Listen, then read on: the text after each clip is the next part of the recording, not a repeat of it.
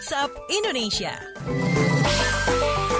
Waktunya keliling Indonesia di WhatsApp Indonesia dan kita awali dari Surabaya di mana Ekoton kembali akan teliti paparan dioksi di Desa Bangun dan Tropodo. Selengkapnya dilaporkan kontributor KBR ada Budi Prasetyo. Selamat pagi. Selamat pagi. Peneliti Ekoton Daru Sitiorini mengaku kemungkinan besar akan kembali melakukan riset terhadap telur ayam di Desa Bangun, Kecamatan Pungging, Kabupaten Mojokerto, dan Desa Tropodo, Kecamatan Krian, Kabupaten Sidoarjo. Penelitian itu dilakukan pada sampel berbeda untuk menguatkan hasil penelitian sebelumnya. Dikatakan Daru, selain telur, pihaknya kemungkinan akan mengambil sampel pada makhluk hidup lainnya di lingkungan yang dekat dengan pabrik tahu. Penelitian itu perlu dilakukan untuk mengetahui sejauh mana paparan dioksin yang masuk dalam hewan peliharaan manusia seperti sapi, bebek, dan tanaman di wilayah itu. Menurutnya, dioksin terikat dalam lemak makhluk hidup. Akan tetapi, kata dia, tidak menutup kemungkinan senyawa tersebut juga terpapar di bahan-bahan lainnya. Ekoton pun mendesak Pemprov Jawa Timur mengeluarkan kebijakan stop impor sampah plastik dan menindak perusahaan yang membuang sampah plastik secara terbuka, seperti di Desa Tropodo, Kabupaten Sidoarjo. Kemarin, para aktivis lingkungan hidup yang tergabung dalam Ekoton menggelar aksi di depan Gedung Gerahadi Surabaya. Demikian saya Budi Prasetyo melaporkan untuk KBR. Terima kasih Budi Prasetyo dan masih dari Jawa Timur selanjutnya menuju Jember untuk mengetahui informasi mengenai Festival Hak Asasi Manusia yang tahun ini diselenggarakan di sana. Kita simak kontributor KBR ada Rosi. Selamat pagi. Selamat pagi. Pemerintah Kabupaten Jember, Jawa Timur menggelar Festival Hak Asasi Manusia tingkat nasional 2019.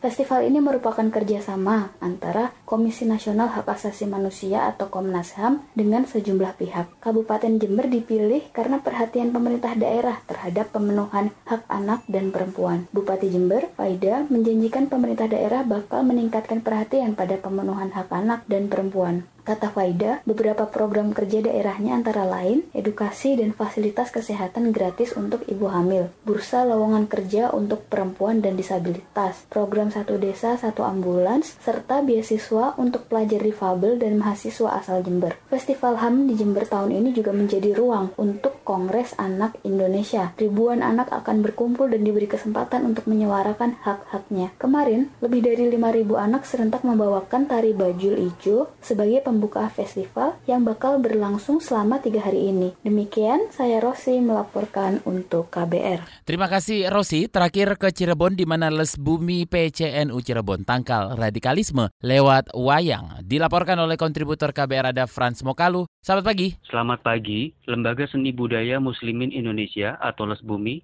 pengurus cabang Nahdlatul Ulama atau PCNU Kabupaten Cirebon, Jawa Barat, menggelar wayang kulit untuk menangkal ekstremisme. Pentas wayang kulit jujuk tajuk atau mendatangi musala ini digelar dari desa ke desa. Sekretaris Les Bumi PCNU Kabupaten Cirebon, Agung Firmansyah mengatakan, kegiatan jujuk tajuk melibatkan kelompok seni yang sudah dilatih menggunakan lakon bertemakan toleransi. Kata Agung, kegiatan jujuk tajuk akan dilaksanakan di delapan tajuk di delapan desa di Kabupaten Cirebon. Menurutnya, pentas seni dan wayang kulit memberikan pengetahuan yang syarat dengan pesan kebaikan. Pementasan ini juga akan memberikan pesan toleransi dalam keberagaman untuk membentengi masyarakat dari paham ekstrim dan intoleran. Dalam kegiatan jujuk tajuk PCNU Kabupaten Cirebon juga akan melibatkan sejumlah lembaganya untuk menggelar kegiatan seperti bersih-bersih tajuk, sosialisasi kebersihan dan kesehatan masyarakat, juga dakwah toleran. Demikian saya Frans Mokalu melaporkan untuk KBR. Terima Terima kasih Frans Mokalu.